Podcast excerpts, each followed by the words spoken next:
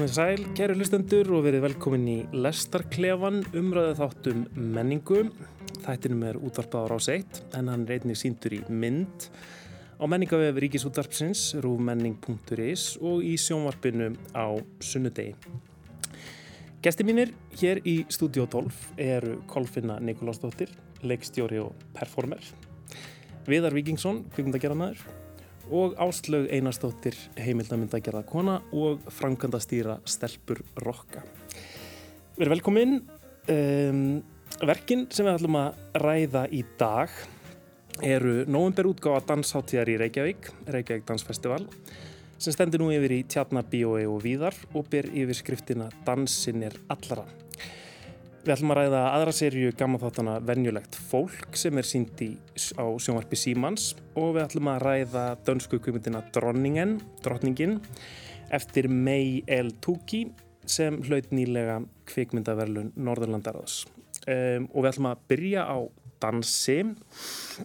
Dansa, dansátti í Reykjavík, Reykjavík Dansfestival, hófst á miðugudag og stendur yfir fram á lögadag á morgun þegar þetta tekið upp.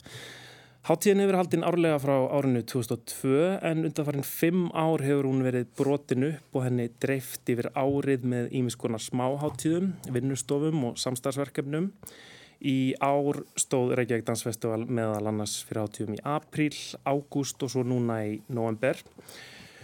Og eh, að þessu sinni ber november útgáða háttíðarnar yfirskriftina Dansin er allra og ég sem sagt fekk ykkur öll til þess að mæta á minnstakosti eina síningu en kannski áður en við ræðum um síningarnar sjálfar þá langar maður að spyrja er þetta háttíð sem að þið hafið eh, mætt á áður viðar, kannski þúls að byrja með? Nei, ég minnist þess ekki. Ég, ég er ég reyndar þekki unga stúlku sem að ég verið uppalandi hjá sem hafa dreigið með stundum á dans á, á dansháttíðir eða danssýningar en, en ég man ekki eftir að ég hef verið þarna Einmitt. En því hinnar, Kolvina? Já, ég hef uh, mætt áður á þetta festival alveg oft bara sko það er náttúrulega partur af uh, náminu eða svona mælt með því eins og í listaháskólinum í sviðslistanáminu að fara á einmitt þessar háttíðir þessa og lokal sjá allt, maður er eða skildur skikkaður. Og kannski líka mörkinn millir dans og, og annara sviðslista eru náttúrulega orðin opaslega já, bara óljós í rauninni sko. Algjörlega. En þú Ásleg? Nei, því miður hef ég ekki mikið mætt sko. Ég hérna, ekki mætt þess mikið eins og ég hefði viljað sko. Ok. Um, en sem sagt um við fórum það völdu allir sér eina síningu til að fara á og Áslug, þú, þú ert svo eina sem fórst á, á hérna, verk sem heitir Vildu hanga? Og það er svona það er svona rímar kannski við eh, hvað ég að segja yfirskrift hátíðarinnar sem er Dansin er allra. Þetta er hérna verk sem að gerist í unglinga herbergjum, það ekki, Se, segðu okkur aðeins bara frá þessu verki, af því að við, við sáum það ekki við, Nei, þið sáum það ekki, nei, nei. nei. Þetta er þessi verk sem að hérna, ásýstaði þremur unglingsherbergjum í Vesturbænum. Og þetta er gert í samstarfi hóp sem heitir Úlingurinn í skóginum sem ég skilst að sé svona kollektív ungmenna sem er að vinna með hérna dansháttíðinni og á heimasíðu hérna viðbörðins það kemur fram að uh, listaháttíðin hefur verið að rannsaka uh, fyrir hverja listaháttíðin er og hvernig háttíðin getur skapa meira rými fyrir ungmenni, bæði sem áhörundur og líka sem hérna, viðböra stjórnundur. Þannig að það var svona ákveðin útgangspunktur á, á þessu verki. En hérna, síningastjórnir eru sem sagt þrýr hérna úlingar sem að, hérna, eru með viðbörð inn í sínu eigin hérna, rými, sem sagt inn í, í sínu eigin sötnarbyrgi og þetta voru mjög fjölbreyttir viðbyrðir í einu rýminu þá hérna voru þær Haldóra Geirhars og Margrit Bjarnadóttir og Lóa Hlín Hjálmtisdóttir að lesa upp úr sínum eigin úlings hérna dagbókum. Já, mm. það var mjög fjölbreytt og skemmtilegt sko. Mjög mismunandi hérna textar.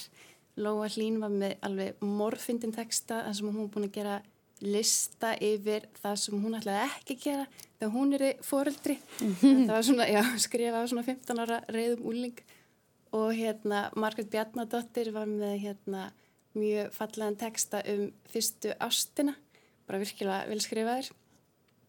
Og svo var Haldur Gerhard með svona lýsingu á hérna auðalansferð sem hún fór í þegar hún var hérna sjálf úlingur mm. og maður stígur sér inn á heimili uh, og maður er með svona kannski pínur svona gæjufíkn í sér sko. Það er komin okkur óknund heimili og líka inn í úlningsherbyggi sem er svona mjög leindardómsfullt svona rými það sem maður mikil nánd í gangi.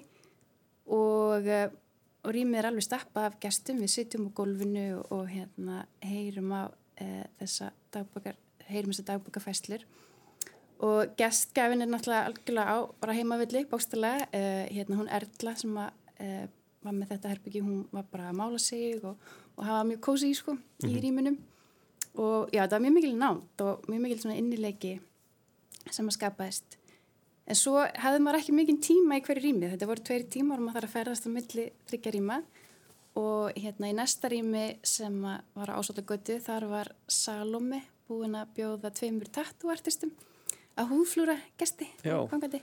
Það var mjög skemmilegt og það var alveg fullt út af dyrum og nóg að gera í hérna tattúinu. Og hérna ég og samstagskonum mínum, ég var bara mjög spennt fyrir því að fá okkur tattú og hérna skráðum okkur á bygglistan en við náðum því miður ekki áður en að hérna verki kláraðist Mitt. og svo í þriðaríminu þá voru svona óramagnar tónleikar með hérna Jóa P. og Króla og hérna og þau voru með bassleikara, trommuleikara gítarleikara og trompetleikara með sér og það voru hérna bara tónleikar upp í rúmi hjá hérna Unu uh, á Nesveginum og bara aftur þessi nánd og innileiki og, og hérna bara svona gleðirík stemning Einmitt. sem að hérna myndaðist Þannig að þú, þú hafði gaman að, að þessu Ég hafði rosalega gaman að þessu og ég líka var, ég mætti mig mjög mikil vendingar ég er svo mikil hérna úlinga menningar aðdáðandi og hérna var einhvern veginn búin að gera mig vonur um að upplega, þú veist nostalgíu og einhverju svona einhverju sanna úlingstilfinningu mm -hmm. og rækta þessi tengslu minn innri úling það bara svínvirka ég var alveg mm. upplýð mikla spennu við að fá mér kannski húflúr og hérna já. og bara, já var alveg komin í tengingu við minn innri úrling.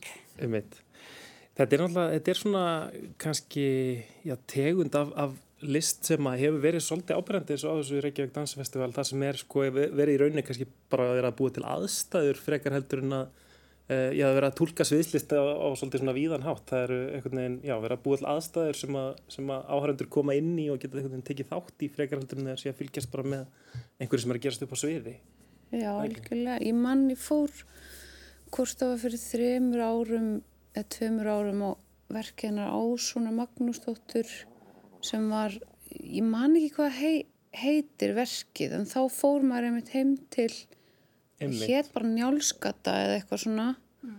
og þá fóstu bara í mörg inn á heimili mm. og það var bara, þú varstu bara að sjá og það var verið að dansa og Heim. það var þú veist ekki ekki um úlinga eða ungt fólk en þetta var svona inn, sín inn í karaktera fólks og einhvern veginn það var alveg magnað Ennig. að fara á þetta sko.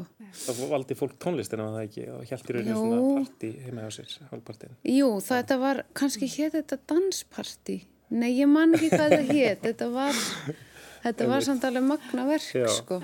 og einmitt vakti þess að gleði sem þú ert að tala um Já. þetta var bara svona gleðilegt mm. rosalega gleðilegt sko. En sem sagt eh, á þessari háttíð núna e, í ár þá eins og ég segi þá er e, yfirskriftin dansin er allra og það er verið að taka svona alls konar hópa e, inn í dansverkin sem að kannski eru yfirleitt ekki á sviðinu það er þarna eldra fólk sem eh, stopnar punkljómsveit í heldrapunk og krakkar taka völdin í krakkaveldi. Svo eru fatlaður og ófatlaðir sem vinna saman í fegurð í mannlegu samfélagi.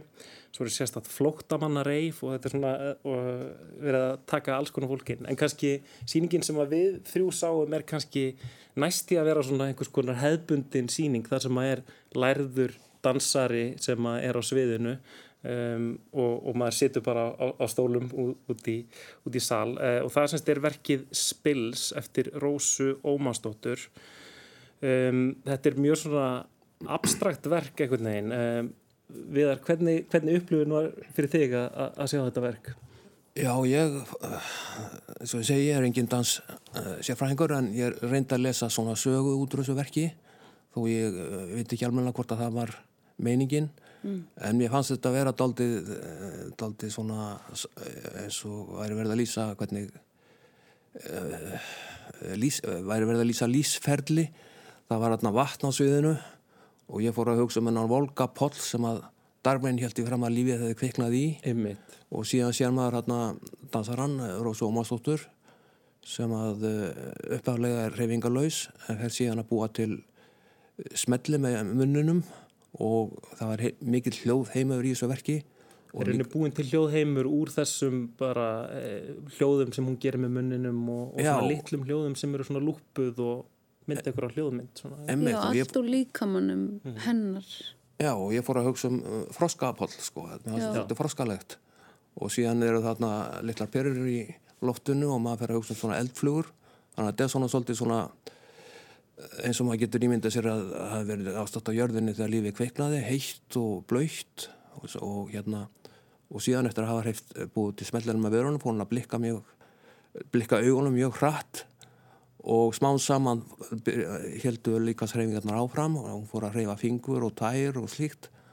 Og þetta var aldrei neitt rosalegt svona sprikl.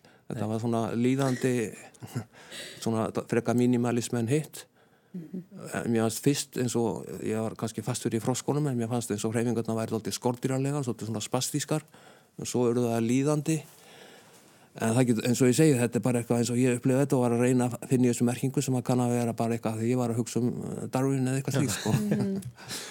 ég, ég er svo sem var, voru að svolítið svipum slóðum líka en þú, þú Kolfina? Jú, algjörlega, svona til að byrja með sko, með þú veist, hefbundin þetta var svona næst í að vera hefbundi kannski á festivalinu en hefbundið, þetta er orðið svo rosalega Já. þú veist, og, en maður náttúrulega les alltaf sögu. Maður, ég, ég var svo meðutuð um það að maður fer alltaf að lesa og tengja og veist, maður er svo þjálfaður í því bara. Og ég var svona að reyna að berjast á móti því á menni satanna og reyna bara að finna og og hérna var með 17 ára frenda mínum hann Gretti Valsinni og var líka svolítið meðduð um einhvern veginn hans, hvort að hann væri hann sagði svona alveg í byrjun eitthvað við getum sko alveg eins og verið á barnum. Og ég var alveg Þetta er náttúrulega, þetta er langt verð Já og mjög, þetta er svona sló hérna art dæmi, þú veist þetta er alveg maður þarf að setja sig í stellingar og hafa nánast bara þjálfað auða sko til þess að endast í hérna mm. og ég með aði háti og allt og grettir örgla líka og greindur að hérna og það bara, þú veist, ég þurfti alveg svona að sitja og bara nú og mm. gefa þessu hérna aðtigli en bara gull fallegt sko En þú talaður um að, að vera ekki reyna að lesa sögu í þetta heldur að finna eitthvað, hvað hérna hvað, hvaða tilfinningar önnur, önnur heldur en svona þreita og óþreja ekki þreita, það er ekki mín orð. Nei, nei, um, kannski bara einhvern veginn sko ég veit það ekki svona tóm eða svona eins og hún var að kalla á eða þörf eins og hún var að reyna að tólka það.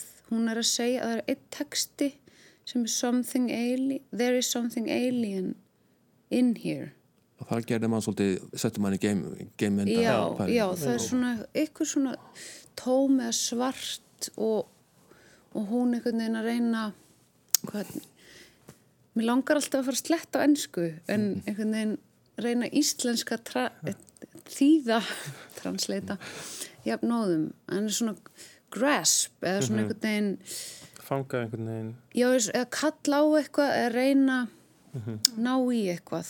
Mér fannst það að vera svona tilfinningin sem kom. Uh, hún talar um sko í, í kynningatekstanum fyrir þetta verk þá er hún að, að hérna tala hún sé að sko einbita sér að sko ósýnilegum svona öflum svona þeim hreyfuöflum sem er í kringum okkur sem eru ósýnileg sko raki, bylgjur rafsegulsvið, þingdarafl eitthvað þannig sko mm. og ég veit að hún sem sagt þetta er í rauninni tengt fyrir öðru verki sem hún gerði fyrir tveimur árum uh, sem heitir Traces þar sem hún er að í rauninni að uh, vinn, sko, reyna að gera, búa til þannig dans sem að, þar sem að dansarinn er jafn mikið, verður jafn mikið fyrir áhrifum af hlutunum í kringum sig alveg eins og hann sko notar einhvern veginn hlutina, mm -hmm. þannig, að, þannig að allt umhverfið er að hafa áhrif á dansarann sem er í miðunni sem við stóldi áhugavert sko og hérna svona, ég tengi við svona kannski e, svona nýjan kannski náttúru skilning og mannskilning núna á tímum þegar við erum átt okkur að, að maðurinn sko stýr sko við höfum alltaf litið á mannin sem einhvern sko svona konungi við náttúrunni sem bara notar hann og stýrir en, en nú erum við átt okkur á að við erum jafn mikið hlutaðinu og verðum fyrir áhrifum frá henni og getum ekki stýrt henni sko. mm -hmm. Já, við náttúrulega tólkum allt út frá okkar skilningaveitum mm -hmm. og eigum er upp með, með að fatta hvernig kolkrabbar sjá heiminn og eitthvað slíkt mm -hmm. og ég var veitnaði ellendis eh, fyrir ekki svo lengu ég, hana, ég kynntist fólki sem var með dellu fyrir leðublögum og þetta var bara í myrkri og það var með bara eh, farsímasinn og var með eitthvað app í honum og, og gæt lesi hvaða leðublöku væri á herðinni í myrkrinu. Og það var bara fjöldin allar leðublöku sem maður heyrði ekki dýja þegar okkar skilninga veit ná ekki við þeirra verðmálstækni og það var alltaf aðri í þessu verki það sem hún var einmitt eins og hún væri að nema einhverja bylgjur sem að, eins og þú varst að vitti hana með. Já, og að því að lífið það getur verið líf sem við erum, erum ekki færum að, að, að nema af því að við sjáum bara nútum auð og eru eitthvað slíkt en en svo er til eitthvað útfjörðarblátt eða infraröytt eða, eða hljóð sem eru ofar eða neðar því sem við nefnum mm. Mér var svolítið skemmtilegt með það sko að, að með því að hafa vatnið aðna þá sko þegar hún til dæmis hreyði sér í vatninu þá sá maður einhvern veginn bylgjurnar, gárurnar og, og ljósið, sko, því var stundum varpað einhvern veginn upp á veggin, þá er svona eins og maður er meðvitaður um að bara þegar maður hreyfir sér í rými þá, þá, þá hreyfist allt rýmið með manni, sko, þannig að mér finnst það svolítið flott þessi svona nótkunn á vatninu með það. Já, og reyndar maður var að bæli hvort það væri eitthvað frumefna bælingi í þessu, hvort að, hana, að vatnið og síðan uh, eldflugarnar eða sem virkaði á mann eins og eldur og svo allt inn og kom gufa, það væri loftið og svo var hann að klækja eitthvað slíkt. Mm -hmm. en, en ég veit ekki hvort að maður á að lesa úr þessu eitthvað symbol. Kannski á maður bara að finna, finna. um, en við skulum halda yfir í næsta listaverk. Um, það er kvikmyndin Dronningen. Um, í loka oktober hlaut þessi danska kvikmynd Drottningin kvikmyndaverlun Norðurlandaráðs. Þetta er önnur kvikmynd leikstýrunar May L. Tuki sem hefur einnig leikstýrt leikritum á sviði og jútarpi og stökum þáttum í sjónastáttaröðunum Ervingjónum og Vegum Drottins Herrens vægi Drottningin sem er síndum þessa myndir í Bíóparadís fjallar um Anne, hún er lögfræðingur sem hefur sérhæft sig í málum sem varða um, ofbeldi á börnum. Hún lifi góðu lífi að því er veriðist á fallegt heimili á samt einmanni sínum sænska lækninum Peter og tveimu dætrum. En myndin herst með því að sonur Peters úr fyrrasambandi Gustaf sem er svona hálfgerður vandraðunglingur flytur hún á heimilið og með Anni og stjúpsininum hefst samband, kynferðslegt samband, hún eiginlega tælir drengin og það er um, þetta forbóðuna samband sem auðvitað ógnar áferðar fallegri tilveru fjölskyldunar. Um, ég var svolítið eftir mig eftir þessa mynd. Um, Kolfinna, hvernig upplýðir þú myndina? Ég er náttúrulega ekki búin að jafna með þá sko. Ég ég kom út af þessari mynd og ég hugsaði bara af hverju að gera þetta. Þú veist, er þetta bara, er hún bara að reyna að tikka í boks sem að virka sem að, hérna svona sjokkara til að sjokkara meðanst Meinar leikstýran sjálf? Leikstýran, já, já, bara akkur ég, ég, ég var alveg smá bara reið. Út í hana? Já, þetta er náttúrulega bara viðbjóður. Þetta er barnaklám eða þú veist þetta er að því ég sagði, þú getur gert mynd fallega mynd, hún er skotin á filmu þú veist, þetta er allt, allir pinningurinn í þessu skilur, þetta er bara reysa stórt og það er hægt að gera svo margt, akkur velur að gera þetta? Akkur ferðu í úst, hástafina, akkur ferðu í stærsta samnefnara bara þú veist, þetta er svona ultimate ógeð ofbeldi og sumt hans mér ekki einu svona virka því að hún, hún er siðblind ég las það þú, þú er, hún tekkar í boks þannig boks, siðblindingja ma, mm. stjúpmamman hanna aðal personan og en samt grætur hún í einrúmi sem ég fann svona ekki alveg passa út af því það, það gerir ekki siðblindingi, hann grætur til að setja um leikrit. Til þess að fá einhverju framgengt. Og hérna hana, og, og líka brot, úst, brotnaði einhvern veginn karakterin þegar hún að því þegar fyrst hún er eitthvað svona tísan eða svona stríðunum eitthvað allar rétt honum bókina þetta er bara í an, annað skipti sem þið hittast eða eitthvað eftir hann kemur inn á heimilið stjúpsónurinn og allt í einu er hún eitthvað svona þegar hún var bara mjög skver eða svona hrein og bein og mm -hmm. þannig að meðanst það svona ekki mjög ok, það er kannski auka atrið, mér finnst bara aðalatrið að vera fjalla um þetta og það bókir lólítu, það er alveg nóg, þú veist, og, og sem náttúrulega bara síðan er ég mjög mikill hræstnari út af því Lolita er uppbólsbóki mín. Og er besta bók. Ásleif, hvað hva, hva, hva segir þú? Hérna Uh, jú, þetta, þetta fer alla leið, þetta eru hástæðar en þetta er samt sko svona einhvern veginn hæg uppbygging og maður, byrj, maður er fyrst bóðið að, að einhvern veginn samsama sig með uh, lögfræðingnum Anni, þannig að stjúpmömmunni. Hvernig, hvernig upplýðið þú þessa mynd? Sko, ég er alveg samanlegaður uh, ég held að þessi kona, þessi karakter er rosalega flókin og marglaga en kannski fyrst og fremst er það þarna siðblindan sem að bara slæri maður út af læginu sko. Mm. en ég verð að segja að leikurinn hjá henni Tríni Dýrhólm er bara alveg stórfinglur og ég hef ekki getað farið í þetta ferðalag held ég með hvaða leikara sem er sko og hvernig henni tekst að takast á þennan efni. Við er bara ótrúlegt. Mm -hmm. að því að ég, hérna, ég upplýði til að byrja með bara mjög mikla svona samlíðan og samkend með þessum karakter. Einhvern veginn, hún er barndukonna og er þarna að, að löffræðingur að vinna með hérna, þólendum, kynfyrsofbildi, skrænlega mikil eldur í henni og, og sama tíma er hún að farast og leiðendum einhvern veginn í borgarlega hérna, lífstilinu sínum. Og það var alveg nóg fyrir mig hérna upp að þess að fara með henni í ferðalag. Mm -hmm. og ég komst aldrei langt einhvern veginn með henni í þetta ferðalag ég laði alveg þanga til að fyrsta svona snertingin þarna á sér stað á millið þeirra.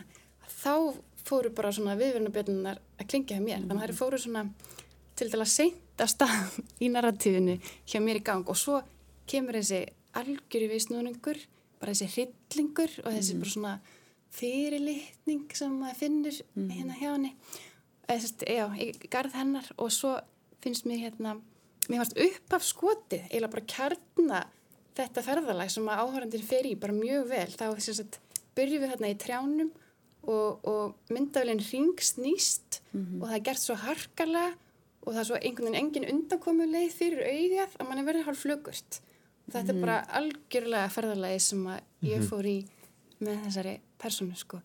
En, en mér varst það vel gert að því að, að því að maður er bara skilin eftir bara einhvern veginn í sárum sko. Já. eða bara, já, bara í uppnámi einhvern veginn. Mm. þannig að mér fannst það endanum vel gert listaverk sko. Sko þetta er náttúrulega um, þetta væri allt önnur mynd ef, ef við sæjum til dæmis þetta væri stjúp faðir og, og og stjúpdóttir eh, þannig að sko kynjavingilin skiptir líka miklu máli Af hverju þessu? Já, eða það er góð spurning, er eh, góð spurning. Hvort að Ég minnst það alveg eins. Ég, ég fæ bara svona þú veist ég bara ég er á mótið þessu. Ég er á mótið þessari mynd. Viðar, hvað segir þú? Er þú á mótinni? Þú talaður um Lolítu en ég fór að hugsa um mynd sem ég sá fyrir eitthvað tíu ára um ítalska mynd Jó Sono L'Amore með Tildu Swinton. Ég veit ekki hvort um mun eftir henni. Mm en hún fjallaði um þryggjabarnamóðu sem að á allt einu ástaræfindýri með einhvern vini Dítus Sona síns eða eitthvað þar um bil. Og það er bara ítalskur hedonismi, það er ítalsk náttúr og þau eru alltaf að uh, synda saman nækinn og hefa goða stundir. Og ef ég maður rétt þá endaði svo mynd bara maður var fullu samúar á þessari konu sem vildi lengja sitt indjána sumar og, og fá eitthvað uh, taka bíinn þrúar af þrjánum bara og, og sem sagt allt annað en þessi skandinavísism sem maður var að upplifa þarna sem, að, sem allt íni kemur mjög mikið pæling um, um valdabaróttu og, og hver ræður og sem sagt og uh, að þessi kona skuli vera lögfræðingar af félagsrákjafi það er sífilt að, að taka viðtöl við stúlkur og hjálpa þeim mm. og í einu tilfellinu þá ég held að það verið ung stúlka sem átti eh, alkálista fyrir föður og var öll uh, bara þess merkja hann aðeins lamið hana en, en þetta var pappinnar og hún var eitthvað rauðveit allt saman og, og, og, og hérna Trína segir við hann að ég verða tilkynna þetta það er bara lögin eru þannig. En síðan setna í, í, í þessari mynd þegar strákurinn þegar, þegar strákunum vil fara að segja frá öllu sem hún hafi haldið við og, og hún segir hvað, okkur getur ekki bara glemt þessu? Hvað, mm -hmm. viltu vera búið til málur þessu? Og þá segir hann, þetta eru lögin en þá er hún búin að segja við hann sko, ég var ekki var við að nema var við annað en að þér þetta er bara aldrei gott sko, og mm -hmm. það mhm. náttúrulega sést á mennum hvort þeir eru uh, sko, þetta er, þetta er mm -hmm að þýleiti sko er held ég að svona flestir er svona almennt, almennt finnist fólki að það sé minna sálatjón fyrir stráka að vera plekaður af, af eldri konu heldur en við gagstæða mm. en myndir náttúrulega lítið ljósa að, að það var ekki minna sko ég mynd en sko mér finnst líka sko, spurninginu um hvar ofbeldið hefst er svolítið sko kannski áhugaverða því að sko núna fer ég náttúrulega kannski að upplýsa of mikið um, um endin en, en fólk verður bara að þóla það.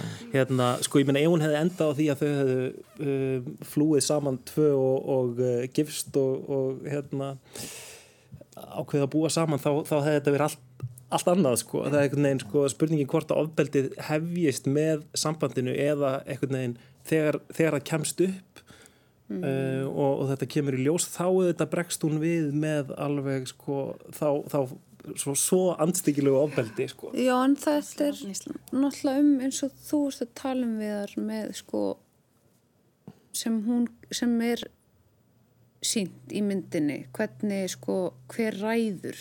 Veist, það, þetta er valda mm. svona tabl og hann er barn þú veist. Það er myndin hefði alveg verið sikk sko þó þau hefði flúið saman einhvern mm, veginn, mm, að því hann er verið fyrir áhrifum af henni og hún er í yfirbúrastöðu það er eitt sem er fannst gott í þessu sem að var maki hennar, sem sagt pappin hvernig hann velur að trúa henni og maður sér á honum að hann er að hérna, hann veit sannleikan einhvern veginn, mér finnst ég að sjá það mm -hmm. hann veit alveg hvað er satt mm. þegar strákurinn er að eh, koma fram með þetta og hann velur að trúa konunni sinni og þetta er svolítið algengt mm. að fólk, þú veist, aðstandendur velja að trúa ofbildismönnum eða þú veist í, og, og snúa baki við batni þó þau viti betur. og það, og það er eitt atriða sem hann tekur í hann og segir hættu að tala. Þegar hún allar að fara að opna sig þá var Eli ok hún, mm. hann bara ekki, seg, ekki tala um þetta sko. Við, þetta er, þú veist og hann í kistu og ég held að þetta þannig verður þetta fjölskyldu megin og líka þegar hann spyr hana með hann að upptökutæki þú veist hver, já, þú, hérna, hvernig mistur meitdóminn eða eitthvað? Og hún segir það átt ekki að gerast. Þannig að hún hefur orðið fyrir einhverju og hún vill ekki tala um það.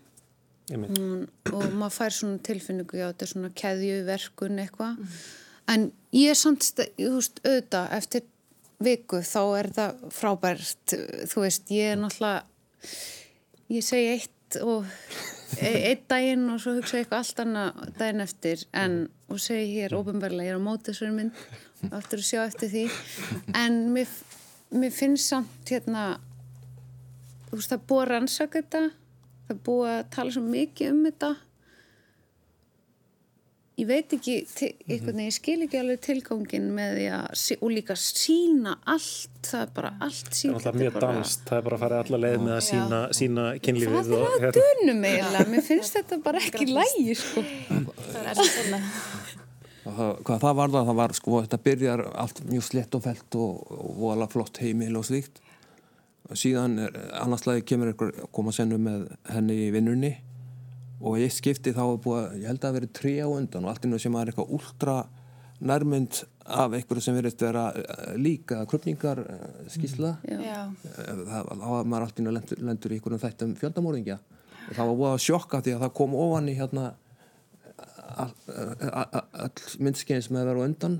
Það, og, og þetta, þetta var eiginlega fyrsta sjokki í myndinu fyrir mér. Það var, hvað er þetta, er þetta með morðum og opildi já, já. og síðan náttúrulega kemur eh, atriðið þegar hún forfæri strákin og þá er það bara það er næstum eins og krupingaskísla líka. Það er úr nærmyndir af, af og, og það er ekki eins og ítalska myndir sem myndist á það sem þetta var allt gett og að fallegt og erotíst heldur er þetta bara brutal hardcore eitthvað dæmið sko. sko En sko, uh, að því hún nefndir uh, aðaleikununa, Tríne mm. Dýrholm, hún er náttúrulega frábær hérna, en sko, uh, strákurinn er líka mjög góður. Hún er texteknir svolítið að svo flakka svo millið þess að vera einhvern veginn fullorinslegur og svo allt í hennu að verða opáslega barnalegur. Og sko kannski maður nær að fylgja henni að því að hann svona er Eh, sýnir svona fullorislegu hliðina töffarlegu hliðina einhvern veginn mm -hmm. en mhm. svo einhvern veginn þegar líður á þá, þá einhvern veginn áttamir á því að hann, hann er barn og, mm -hmm. og það er einhvern veginn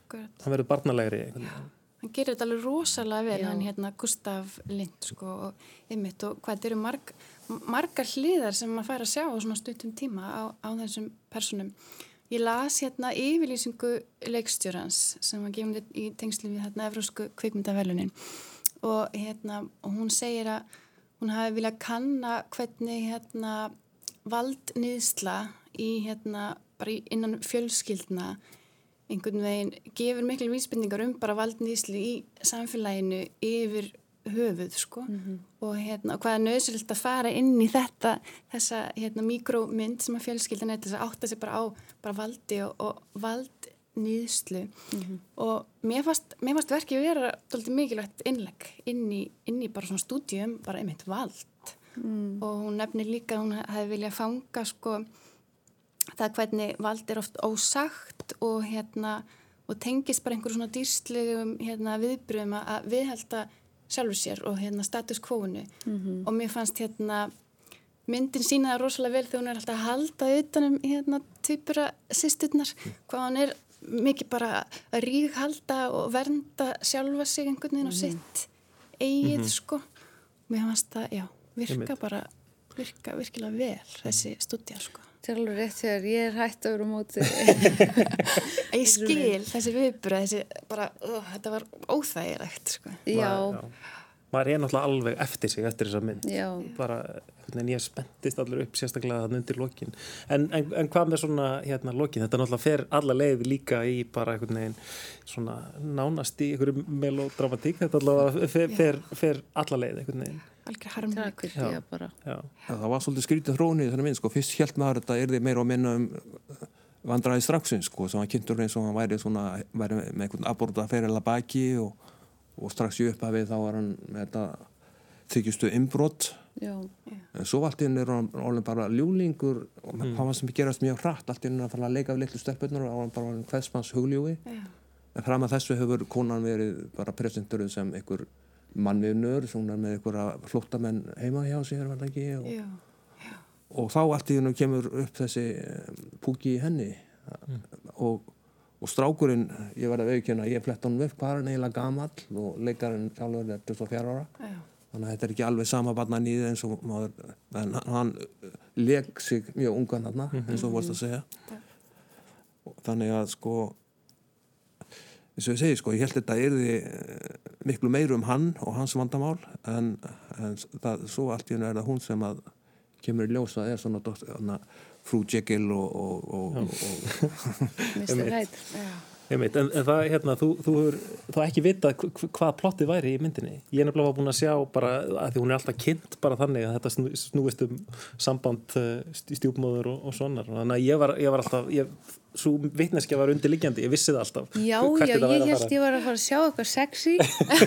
Svo var það bara mjög sleppti alveg á mér. Jú, eitthvað séu um þetta, ég gæti alveg ímynda mér að strákunum væri vandra álingur og hún hefði gert þetta mangja sko að, að vera góð við það.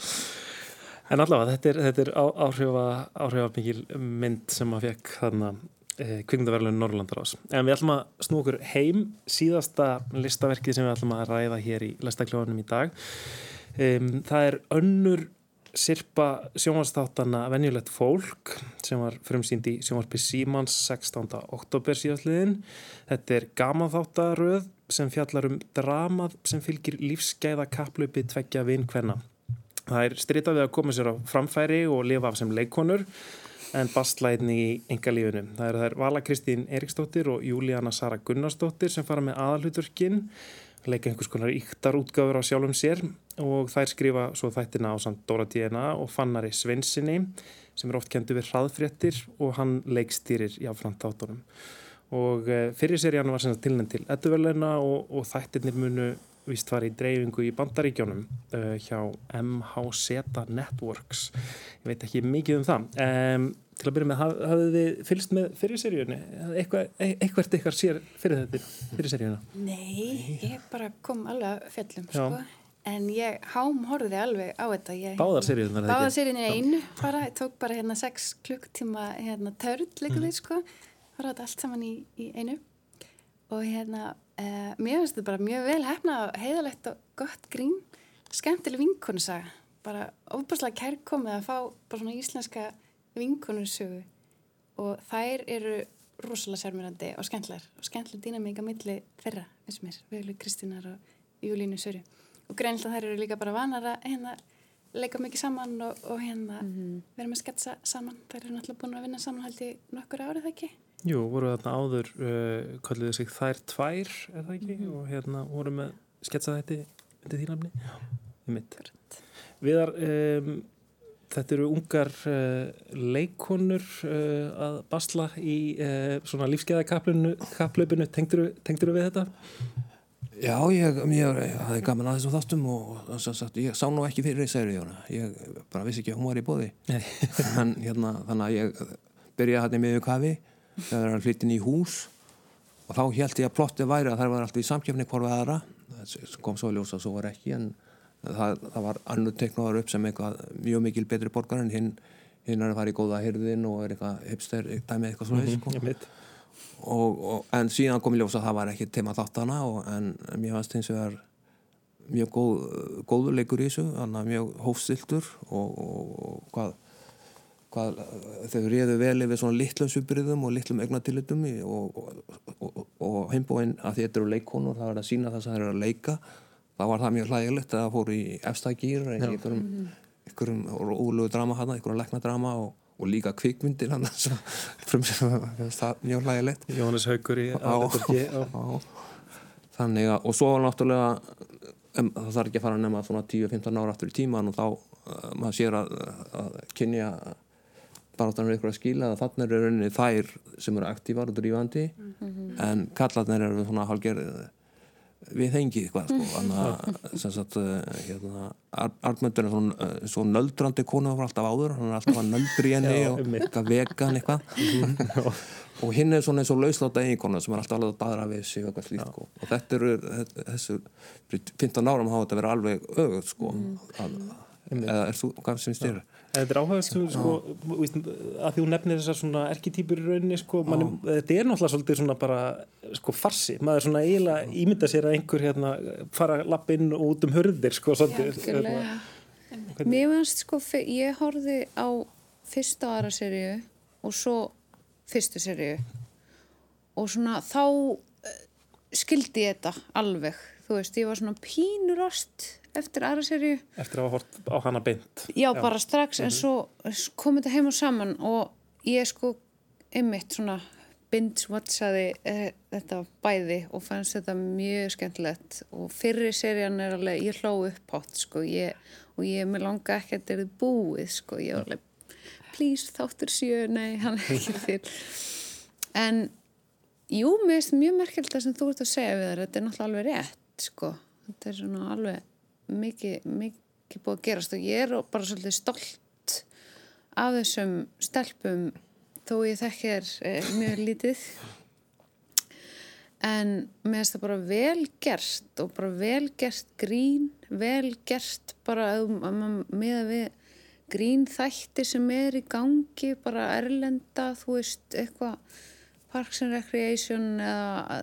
Arrested Development eða bara allt þetta það er náttúrulega -hmm. endalust sko þá er þetta bara mjög gott tempo og witty og eiginlega bara mér finnst það bara topp, veist, mm. þetta fær bara fimm af fimm stjörnum frá mér sko, wow. ef við erum í stjörnugjöf og þurfur sko. eins og ekki að gefa stjörnum en, þú talar, þú talar um leikin sko e, og, og þið, þið bæði hérna um, um sko hvernig þær ná rosalega vel saman um, og þær eru svona kannski svolítið svona hófsamar í leik og meðan svo koma aðrir eins og eins og hérna Siggi leikari uh, Sigurður uh, Þór Óskarsson um, hann er alveg sko á eitthvað svona yfir, yfir snúningi og það eru fleiri sem eru svona hérna, leikskóla kennarinn já, já. Um, Björn, Björn Stefánsson hann er í hlutverki nágrannans sko, þannig að það eru líka svona leikara sem eru alveg á yfir snúningi einhvern veginn sko. það er, er líka einhvern veginn mjög íkt að Akkurat Ég saknaði hérna leikstjórnans Köllu úr fyrstu sériu sem hérna Guðrún Daniels hérna dóttir uh, leik svo líka mjög yfirdrifin kartur sko. Mér fannst hún eiga marg bestu línutnar úr hérna fyrstu seríunni. Hún var frábær sko. Var Þá skildi maður líka sigga betur sko. Hann var svona kynntur til leiks í fyrstu seríunni sko. Þá, því að þegar ég horfði á var pæli sigga í setni seríunni þá var ég bara, þá var ég mitt leikstílinn, þá fór ég að hugsa eitthvað svona, þetta er nú þetta er nú ekki þetta Já. passar ekki alveg inn í sko. En hann var alveg meikaði mér í senn sko eftir að sé hann í fyrstu seríu sko. En hún var náttúrulega frábær leikstjórin svo sem leik leikstjóran í þáttunum sem þær eru að gera inn í þáttunum. Var priceless sko. Þetta er svona, þetta er svona uh, maður sér þetta rosa mikið núna og náttúrulega undan farin ár þar sem að fólk er einhvern veginn í gríntátum að leika einhvern veginn svona íktari útgáður af sjálfuð sér.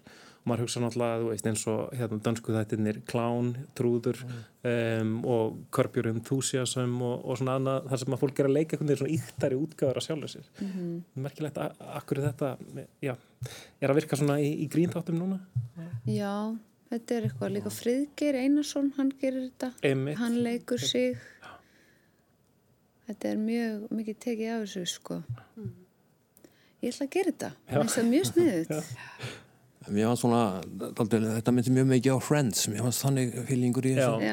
Það er svona ónt fólk sem að í rauninni ætti að vera hægt að sjátt svona mikið en er alltaf, að, alltaf með hvort öðru. Mm -hmm. Ef litur fólk kom út í meiri lísbaróttu og er ekki alltaf að hittast okkur endi. Mm -hmm og, og það munnar á þessari tegunda komedi náttúrulega og, og þeirri komedi sem gengur út á pínlegheit og eitthvað mm. óþægilegt og, og maður fari hjá sér eitthvað svolítið sem að byrja kannski með Office þáttunum mm -hmm. sem er önnu tegunda komedi en þarna að því að tempóði þessum þáttum er að það er klift á þegar allt er komið út í móa. Og í dæmi þarna, ég man ekki hvort það er þriðja fjóra þættinum þegar matabóðið Já. sem að fer alveg, alveg til helvítis og ef þetta hefði verið pínlega, pínlega heita þáttur þá hefði þátturinn virkilega að byrja þar þegar allt er komið en þá er klift og síðan bara næstu dagur og búið að taka borðum og slikt sko. Mm. og þetta er þetta eru sko já þetta er svona tvær tegundir af komedi sem að sér ímist núna. Og þetta er náttúrulega mm -hmm. nær meiri alltíðveil held ég þetta Einmitt. það er ekki allir sem fíla pínleiheitin sko. Nei, það verið óþægilega en, en það er svona það er líka einhvern veginn verið að gera svolítið grína af einhvern veginn útkvarfa lífinu það eru margir sem alveg sjá sig í þessu og ég var alveg svona að velta fyrir mér þau hérna Júlíana og, og Tómas sem, sem að Hilmar Guðjónsson leika sko, veist, ég, ég hugsaði, hvernig eigaðu efna þessu húsi, hún er bara mm. leikona og hann er eitthvað svona braskari sem að mm. hérna, uh, eiga þetta risastóra embílishús það kom bara einu sinni ég man ekki hvort það eru fyrstu annari séri þar sem hún segir sem sagt Vala segir eh, djöfulli pirrandi að þú hafir stopna eitthvað eh, tölvu hugvits fyrirtæki og grætt ókslega mikið pening. Þú veist þá kláraði að því ég var alveg því að það var aðra sériu bara hvernig eiga þau þetta hús eða þú veist. Mm. og þá var ég líka mjög skeftisk ég bara viðkenni það ég var skeftisk á þessa þætti áður en ég horfaði á það sko. Og var alveg múin ákveð að þetta er drastl mm. Já, eins og með flest sem að ég Það er svolítið mikilvægt að sjá fyrir seríun og upp og að ná svona ja, hlutinir Ég finnst það svolítið gangi sko. Það var náttúrulega að mig heilmikið ég sá hann Einmitt um, Já, er eitthvað meira meira á þess að þetta ég, ég veldi fyrir mér sko nú er búið að reyndar uh, svolítið mikið af, af grínþáttum um, núna í uh, haust íslenskum það eru góðir Íslandingar uh, á stöðu 2 eftir Snetta Junior og svo pappahelgar hérna mm -hmm. og rúf sem eru svona aðrið þá þættir sem getur nánast líka heitið vennilegt fólk. Það er svona vennilegt fólk í Vesturbænum. Þetta er vennilegt fólk í Garðabæ. Já það er ekki, eitthvað svo leiðis Það var eitt sem sló mig þegar ég horfið allt í eh, fyrir enn þátt það er hvað hjónabansar ágjárur og gessanlega glataði var náttúrulega í drottningunni og, og svo hérna í vennilu fólki það er einhver algjörlega ómúlegur Emmitt mhm. og, og, þarna, og þetta minnir mann á gamla sálfræðingabrandar það er fólk út í sálfræðingabrandar og hverjir fari í sálfræð það er þeir sem eigi vandamálum sjálfur og fara síðan að að grátum fjögslá sjúklíkun og líka í pappahelgum það var já, já, ekki hérna Það er hún hjónabandsráðgjafi sjálf eða ekki aðalpersona Jú, jú, ekki gott haust fyrir hjónabandsráðgjafastéttin eh, Við skulum láta það vera loka orðin í lestarklefanum þennan förstu daginn eh, Ég þakka gestum mínum hér í Studio 12 Kolfinna Nikolásdóttir Viðar Víkingsson og Áslög Einarsdóttir. Eh, Þátturinn verður hérna á sama tíma að viku liðinni. En ég þakka fyrir í dag, góða helgi